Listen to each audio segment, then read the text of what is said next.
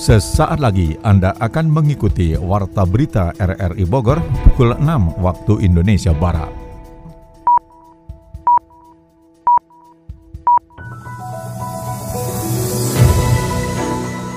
Selamat pagi. Saudara, kita kembali bersua lewat Warta Berita Senin 12 Juni 2023. Siaran ini juga dapat Anda dengarkan melalui audio streaming RRI Playgo dan dapat Anda dengarkan kembali lewat podcast kami di Spotify, Anchor, Podtail, dan Google Podcast. Berikut kami sampaikan berita utama.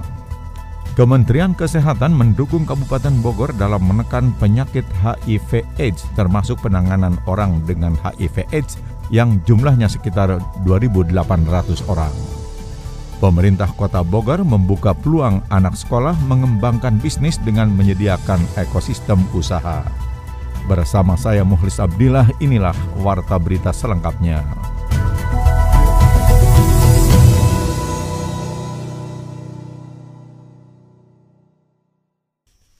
Saudara Kementerian Kesehatan mendukung Kabupaten Bogor dalam menekan penyakit HIV/AIDS termasuk penanganan orang dengan HIV/AIDS yang berjumlah sekitar 2.800 orang.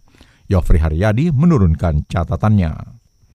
Kementerian Kesehatan RI siap memberikan dukungan kepada Kabupaten Bogor dalam upaya menekan wabah HIV/AIDS, termasuk di dalamnya adalah penanganan terhadap orang dengan HIV/AIDS atau ODIF yang jumlahnya sekitar 2.800 orang. Hal tersebut disampaikan Dr. Endang Lukitosari selaku Ketua Kerja Tim Penanganan HIV PIMS Direktorat Pencegahan dan Pengendalian Penyakit Kementerian Kesehatan RI menyikapi terputusnya informasi yang benar terkait wabah HIV di Indonesia. Dalam kunjungan kerjanya di Bogor, Dr. Endang Lukito menambahkan saat ini anggapan masyarakat terhadap virus HIV masih mengerikan. Penyebab kematian tidak bisa dihindari dan harus dijauhkan karena menular untuk memberikan informasi bahwa HIV AIDS itu tidak seperti dulu lagi menakutkannya. Ya. Jadi pemahaman yang benar terhadap HIV itu diluruskan. Kalau zaman dulu kan HIV itu konotasinya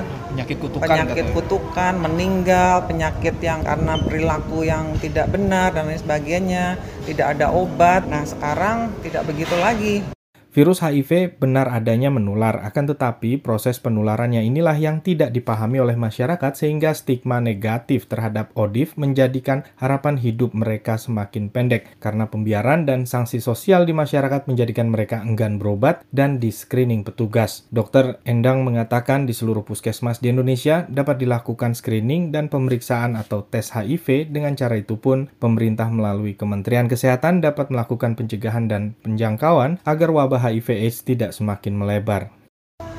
Selain pengobatan, juga eh, eh, pengobatan-pengobatan akibat uh, infeksi oportunistiknya itu juga diberikan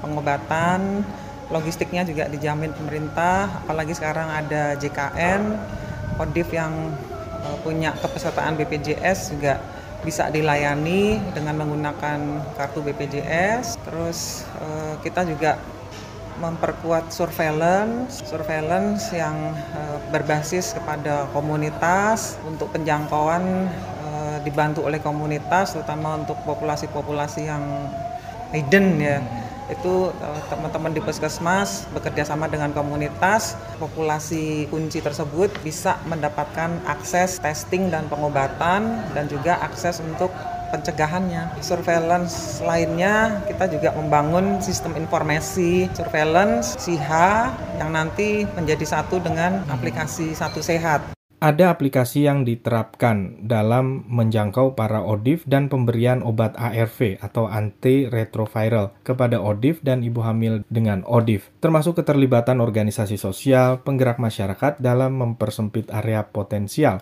yang menjadi sumber atau penyebab penularan HIV/AIDS sehingga wabah tersebut dapat diisolir. Warga Bogor meminta Pemkot Bogor terus mengawasi pengerjaan jembatan otista yang dijadwalkan selesai sebelum Desember mendatang. Berikut catatan Sony Agung Saputra.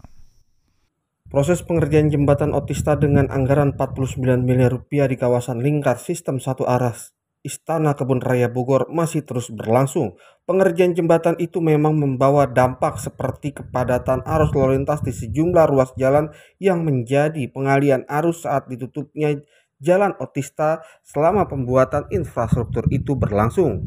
Salah seorang warga Rudi Mulia meminta agar pemerintah Kota Bogor terus melakukan pengawasan terhadap pengerjaan jembatan Otista karena menelan anggaran yang cukup besar berasal dari APBD Provinsi Jawa Barat.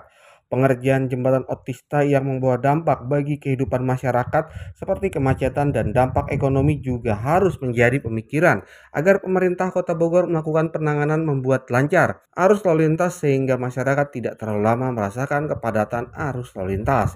Kalau dari segi hukum ya, emang masyarakat itu juga di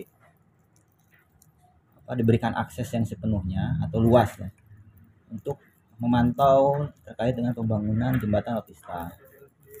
Nah, kemudian di sana juga ini kan sumber dana ini kan berasal dari dana hibah. Dari dana provinsi tadi Dari dana provinsi gitu kan.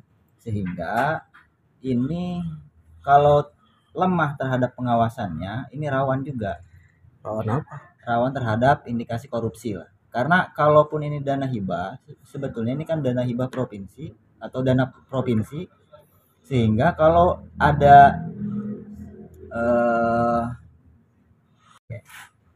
ya, intinya apa? Intinya harus tepat guna dan tepat sasaran. Kalau tidak, kalau tidak, nah ini masyarakat diberikan akses yang penuh sebetulnya terhadap ini untuk melakukan upaya gugatan maupun upaya hukum lainnya. Menyikapi hal tersebut, Wakil Wali Kota Bogor Dedi Arahim mengungkapkan saat ini pengerjaan masih berlangsung pada koridornya bahkan tidak ada deviasi dalam proses pembuatan infrastruktur tersebut dengan adanya surplus pada proses yang berlangsung oleh kontraktor pelaksana. Untuk itu, Melihat progres yang berlangsung saat ini, pemerintah Kota Bogor optimis pengerjaan jembatan Otista selesai tepat waktu pada bulan Desember 2023. Pengawasan akan terus berlangsung dari pemerintah Kota Bogor dan Dinas PUPR agar bisa menghasilkan infrastruktur terbaik untuk masyarakat karena jembatan Otista menjadi objek vital yang menghubungkan wilayah sistem satu arah lingkar Istana Kebun Raya Bogor yang menjadi sorotan masyarakat. Ya, apa namanya kita tidak ada deviasi.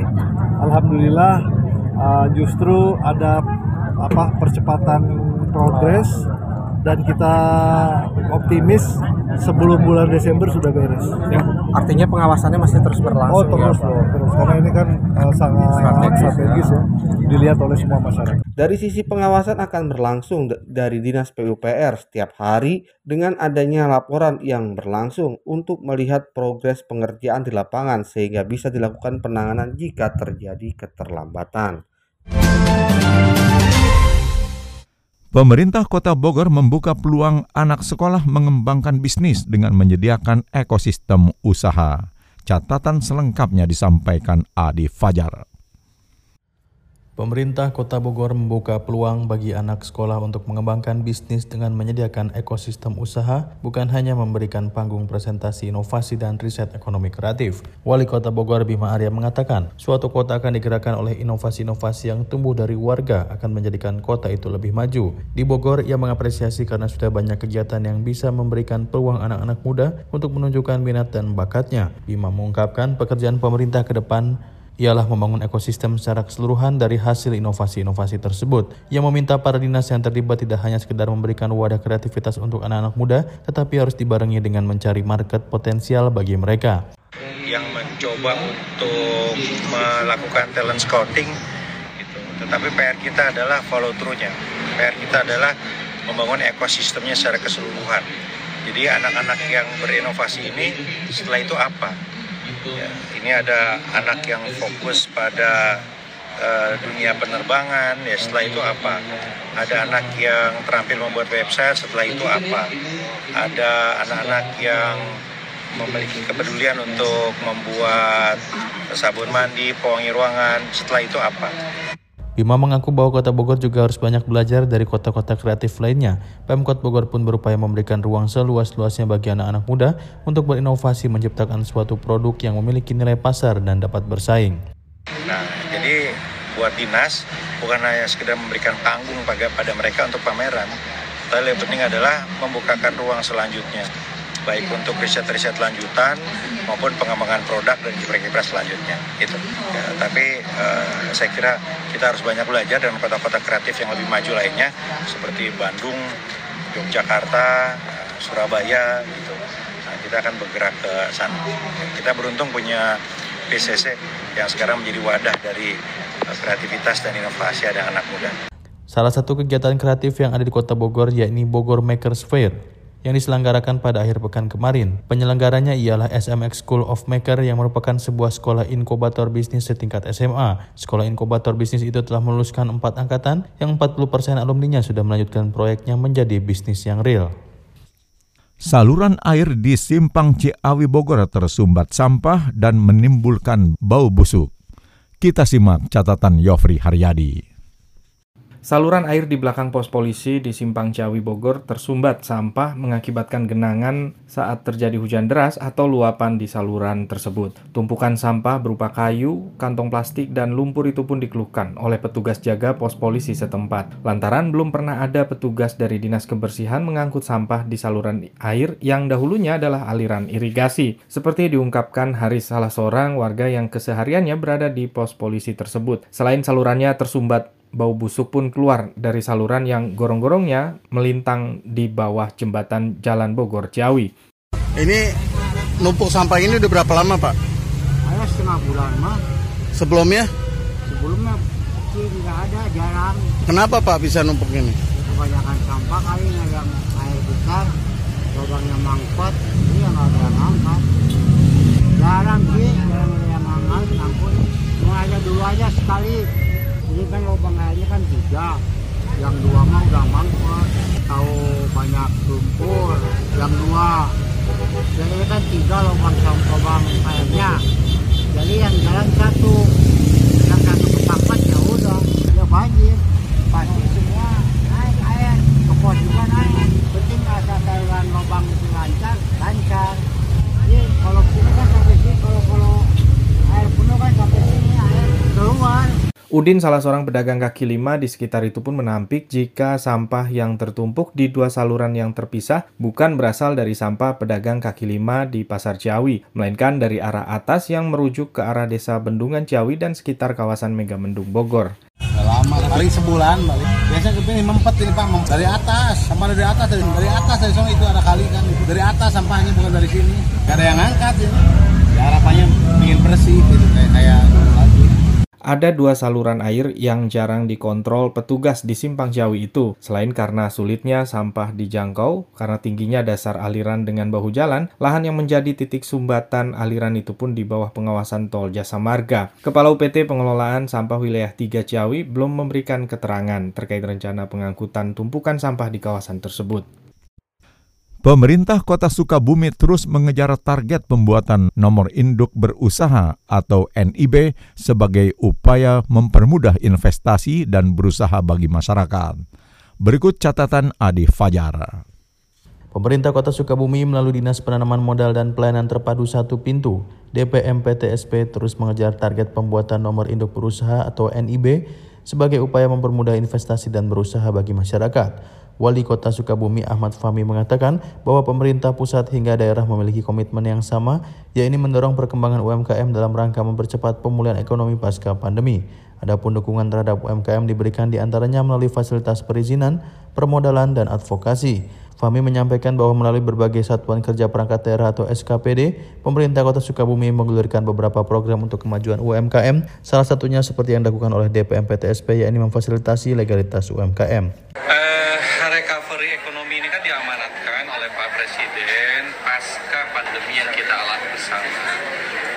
satu yang menjadi titik utama adalah pergerakan UMKM. Makanya pemerintah Kota Sukabumi hari ini beberapa SKPD juga menyerang atau menyerbu pada program UMKM, salah satunya DPMPTSP ini. Dari sisi legal usahanya harus kita persiapkan. Di sisi lain, Wali Kota Fahmi pun mengingatkan kepada para pelaku UMKM untuk terus beradaptasi dengan perkembangan zaman dan mengadopsi teknologi dalam menjalankan usaha mereka.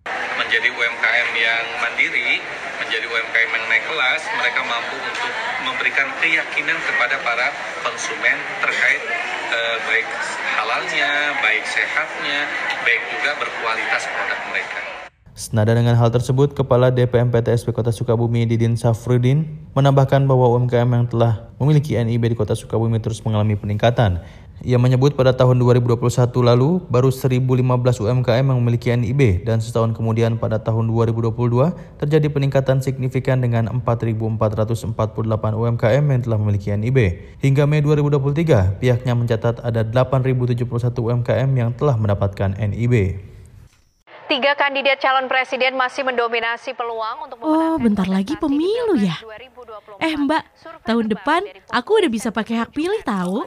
Terus udah tahu mau pilih siapa? Gak tahu. Orang banyak banget gitu calonnya. Gak ada yang kenal lagi. Golput aja kali ya. Eh, jangan. Baru aja jadi pemilih pemula udah gak pakai hak pilihnya. Sayang tahu. Apalagi kan tahun ini pemilihnya didominasi sama milenial, Dek. Ah, bingung ah. Aku samain kayak Mbak aja deh pilihannya. Jangan dong, kamu tuh harus punya prinsip. Sesuaiin visi misinya cocok gak sama yang kamu harapin. Jangan ikut-ikutan Mbak ah. Iya ya. Ya udah deh, aku cari-cari tahu dulu. Saudara, Anda tengah mengikuti Warta Berita dari Radio Republik Indonesia Bogor. Direktorat Jenderal Pendidikan Tinggi Riset dan Teknologi Kemendikbudristek mencabut izin operasional sejumlah perguruan tinggi swasta PTS bermasalah. Ini dilakukan untuk melindungi masyarakat terutama mahasiswa dari penyelenggaraan pendidikan yang buruk dan penipuan oleh penyelenggara pendidikan yang nakal. Pelaksana tugas atau PLT Dirjen Pendidikan Tinggi Riset dan Teknologi Nizam menjelaskan pencabutan izin operasional sejumlah PTS tersebut didasarkan atas fakta dan data yang tervalidasi. Dimulai dari laporan masyarakat atau hasil pemantauan lapangan di mana setiap laporan masyarakat yang disertai bukti awal selalu ditindaklanjuti dengan pendalaman dan evaluasi lapangan. Sebelum menjatuhkan sanksi, Kemendikbudristek terlebih dahulu menurunkan berbagai tim yang didasarkan atas evaluasi mendalam dan lewat rekomendasi itulah dilakukan pembinaan hingga bila terpaksa dilakukan pencabutan izin. PTS yang izinnya dicabut adalah PTS yang melakukan pelanggaran berat, misalnya tidak memenuhi ketentuan standar pendidikan tinggi, melaksanakan pembelajaran fiktif, melakukan praktik jual beli ijazah, melakukan penyimpangan pemberian beasiswa Kartu Indonesia Pintar Kuliah, dan adanya perselisihan badan penyelenggara yang mengakibatkan proses pembelajaran tidak kondusif. Sanksi yang dijatuhkan sesuai dengan tingkat pelanggaran. Pencabutan izin operasional tersebut tutur Nizam merupakan bentuk perlindungan pemerintah terhadap mahasiswa dan masyarakat. Jangan sampai mahasiswa mendapat ijazah yang tidak sah dan bermasalah di kemudian hari. Pihaknya tegas Nizam tidak bisa membiarkan masa depan mahasiswa yang seharusnya cerah menjadi redup akibat praktik perguruan tinggi yang nakal tersebut. Saat Anda mengira Kebun Raya Bogor hanya menawarkan wisata botani, sesungguhnya ada peninggalan sejarah yang berkaitan dengan keberadaan Kebun Raya Bogor di masa lalu. Terdapat makam kuno Belanda yang usianya bahkan lebih tua 30 tahun sebelum Kebun Raya Bogor didirikan tahun 1817. Dari nilai sejarahnya, Orang-orang yang dimakamkan merupakan tokoh nomor satu di Hindia Belanda pada masanya. Gubernur Jenderal, ahli hukum negara, hingga peneliti terkemuka dimakamkan jauh dari tanah kelahirannya. Uniknya, ada satu nisan dengan dua nama. Adalah Henry Kuhl dan Jesse Van Hessel, sahabat yang tidak terpisahkan hingga dimakamkan dalam satu liang lahat. Keduanya adalah ahli biologi yang cukup berjasa dalam mendata berbagai jenis flora dan fauna asli Indonesia.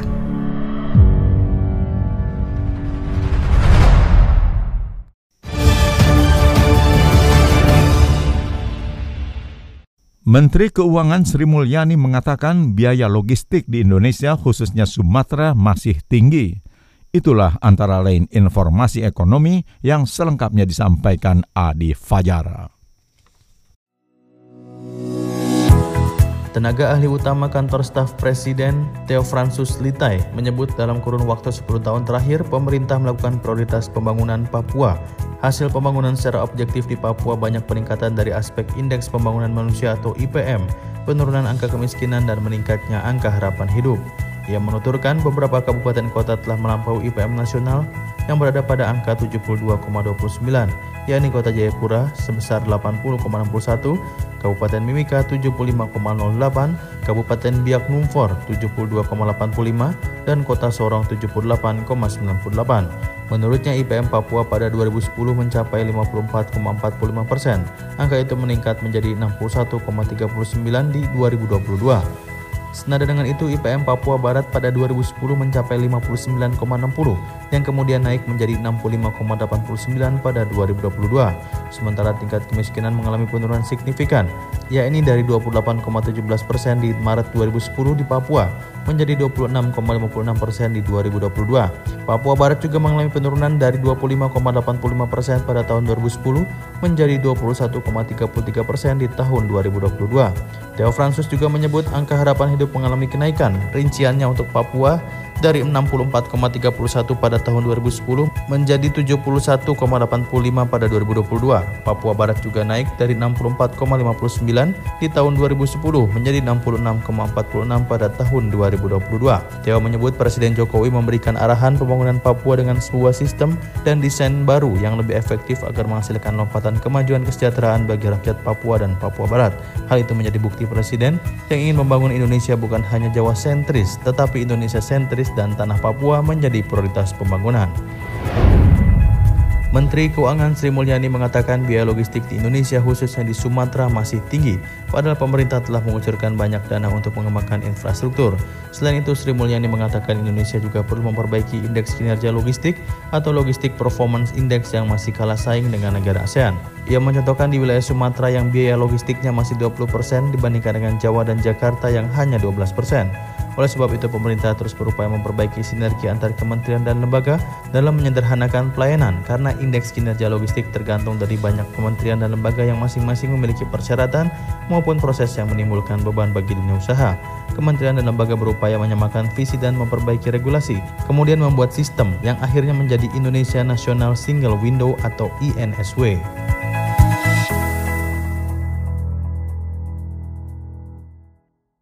Berita olahraga.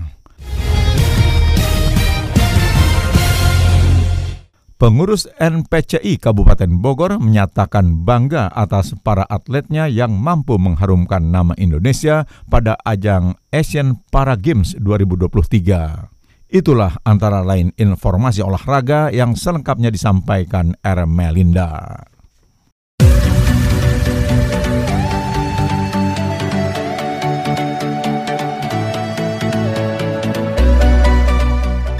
Pengurus NPCI Kabupaten Bogor harus berbangga diri karena para atletnya yang mampu mengharumkan nama Indonesia di kancah ASEAN Para Games 2023 kemarin. Segudang prestasi telah diberikan oleh atlet binaan NPCI Kabupaten Bogor. Tiga raihan medali emas telah disumbangkan atlet NPCI Kabupaten Bogor dalam menambah pundi-pundi emas bagi Indonesia. Sehingga hal ini yang semakin membuat Ketua NPCI Kabupaten Bogor Emisba semakin percaya diri untuk mempertajam konsep atau program pembentukan sekolah khusus olahraga SKO Disabilitas. Emisbah menjelaskan menurutnya SKO Disabilitas atau SKOD Kabupaten Bogor merupakan satu keharusan bagi NPCI Kabupaten Bogor untuk bisa menggali potensi dari kalangan atlet pelajar SLB yang ada di Kabupaten Bogor.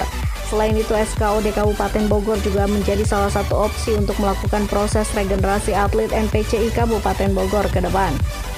Dengan Dispora untuk mengajukan NPC ya seperti yang umum ya ada PP OPM cuman kita konsepnya SKOD sekolah olahraga disabilitas di mana SKOD ini juga konsepnya seperti PP OPM bahwa atlet ini kita asramakan sekolahkan dan kita biayai eh, akomodasi dan transportasi seperti itu respon di sekolah gimana? untuk respon di sekolah alhamdulillah mereka juga menyambut baik tetapi mereka juga akan menghitung dengan pembiayaan yang uh, harus disediakan oleh pemerintah daerah. Nah, nanti kalau keinginan kita ingin punya gedung sendiri, cuman uh, untuk tahap awal ya kita ngontrak lah ngontrak dulu ngontrak rumah dan ke depannya juga kita akan menginginkan harapan kita mempunyai gedung sendiri. SKUD Kabupaten Bogor diharapkan bisa masuk dalam pembahasan di tahun 2023 ini dan bisa terwujud di tahun 2024 mendatang. Selain itu, pembahasan mengenai gaji atlet pun masih terus bergulir. Menurut M. Misbah, dengan fasilitas lengkap ke depannya NPCI Kabupaten Bogor bisa menghasilkan sumber daya atlet yang luar biasa. Terkait gaji atlet ini, Ripin Sembiring, Sekretaris Umum NPCI Kabupaten Bogor juga memiliki harapan yang besar.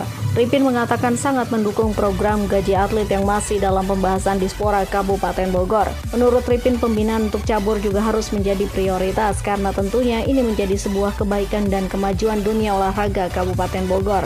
Kalau angka realnya sih mungkin memang belum mereka belum ada bocoran, cuma kalau bocoran ada peningkatan kemarin sempat Kadispora Kabupaten Bogor sempat membocorkan bahwa ada peningkatan di anggaran 2023 2022 kemarin kan anggaran kita 2M 2 miliar mungkin 2023 ini kalau bocorannya sih ada peningkatan walaupun angka realnya belum tahu. Uh, kalau selama ini kan gaji atlet kita ya dari hibah yang dari pemerintah Kabupaten Bogor.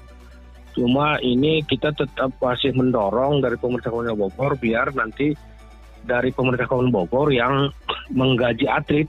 Kalau di KONI kan mungkin ada tapera lah bahasanya. Betul. Kalau uh, kalau di kita nanti ya hampir sama pengennya sih uh, pemerintah Kabupaten Bogor yang langsung menggaji atlet-atlet biar uh, ya motivasinya mungkin lebih tinggi terus untuk uh, keluar keluar dari Kabupaten Bogor juga udah nggak ada niatan karena memang uh, pembinaan di Kabupaten Bogor ini lebih baik itu bu.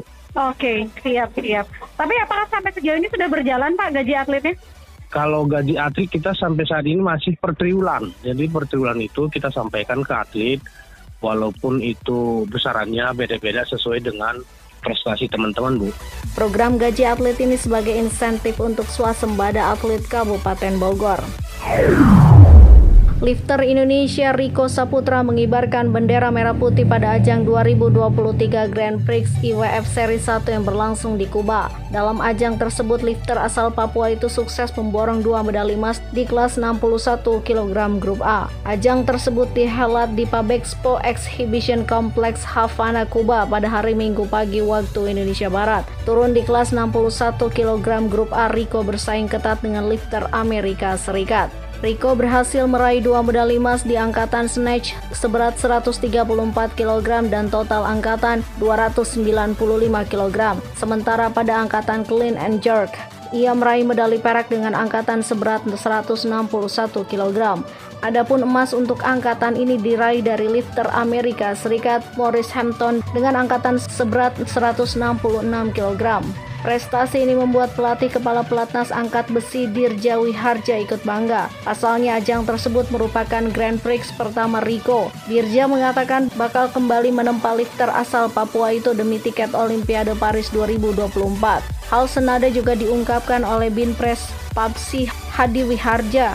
Hadi mendoakan yang terbaik agar jalan Rico meraih tiket Olimpiade Paris 2024 berlangsung mulus.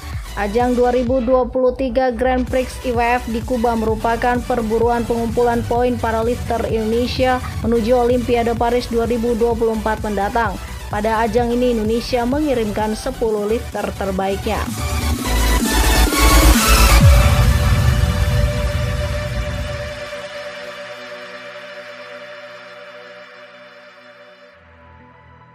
Saudara, informasi olahraga tadi sekaligus menutup perjumpaan kita lewat Warta Berita RRI Bogor. Sekali lagi kami sampaikan berita utama. Kementerian Kesehatan mendukung Kabupaten Bogor dalam menekan penyakit HIV AIDS termasuk penanganan orang dengan HIV AIDS yang jumlahnya sekitar 2.800 orang. Pemerintah Kota Bogor membuka peluang anak sekolah mengembangkan bisnis dengan menyediakan ekosistem usaha. Siaran ini dapat Anda dengarkan kembali melalui podcast kami di Spotify, Anchor, Podtail, dan Google Podcast. Saya Muhlis Abdillah merangkap Des Editor bersama penata teknik Mahdi Nur mengucapkan terima kasih atas kebersamaan Anda. Selamat pagi.